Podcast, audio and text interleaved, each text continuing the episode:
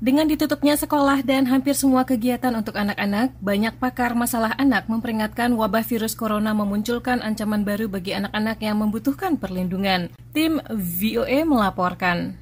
Penutupan sekolah karena wabah COVID-19 membuat Cindy Vallely, Direktur Eksekutif Children Advocacy Center di Florida, merasa prihatin. School, our children's only safe haven. And right now, with COVID-19, children Seringkali sekolah menjadi tempat berlindung bagi anak-anak. Dengan adanya wabah COVID-19, anak-anak tidak berada di sekolah. Pada banyak kasus, ini artinya perlindungan bagi anak tidak ada. Lembaga advokasi anak itu mengatakan, selama wabah COVID-19, jumlah laporan mengenai kekerasan anak ke lembaganya menurun cukup signifikan. Paling tidak dibanding periode Januari hingga Februari, jumlah laporan yang masuk selama Maret dan April menurun 11 persen. Ini bukan kabar menggembirakan. Penurunan ini katanya tidak bisa diartikan kasus kekerasan menurun, melainkan jumlah yang dilaporkan menurun. Wabah COVID-19 telah membuat banyak anak korban kekerasan terjebak di rumah masing-masing dan tidak mendapat pertolongan. Fakta serupa boleh jadi terjadi di banyak negara lain termasuk Indonesia.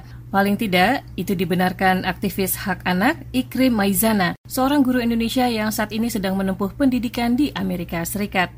Makanya ada, ada anak yang saat sudah mulai pulang sekolah, dari awalnya ceria, kemudian jadi kayak ketakutan gitu. Komisioner Komnas Perempuan Maria Ulfah Ensure juga ikut memprihatinkan situasi ini. Dengan ditutupnya sekolah-sekolah pada masa pandemi, menurutnya banyak anak kehilangan perlindungan dari guru mereka. Ada sekolah-sekolah yang sudah mengimplementasikan kebijakan sekolah ramah anak. Guru memiliki peran untuk mengenali kekerasan terhadap anak, termasuk juga pada anak-anak yang berpotensi untuk menjadi pelaku kekerasan. Di Amerika, guru dan polisi tercatat sebagai pihak yang paling banyak melaporkan kasus kekerasan terhadap anak. Sekitar 20 persen kasus kekerasan terhadap anak yang tercatat merupakan hasil pengaduan guru atau petugas sekolah lainnya. Kementerian Pemberdayaan Perempuan dan Perlindungan Anak Indonesia Mei lalu melaporkan kasus kekerasan terhadap anak meningkat selama wabah COVID-19. Hanya dalam waktu tiga pekan, hingga 2 April 2020, kementerian itu mencatat ada 368 kasus kekerasan yang dialami 407 anak. Komnas Perempuan mengungkap fakta yang lebih memprihatinkan.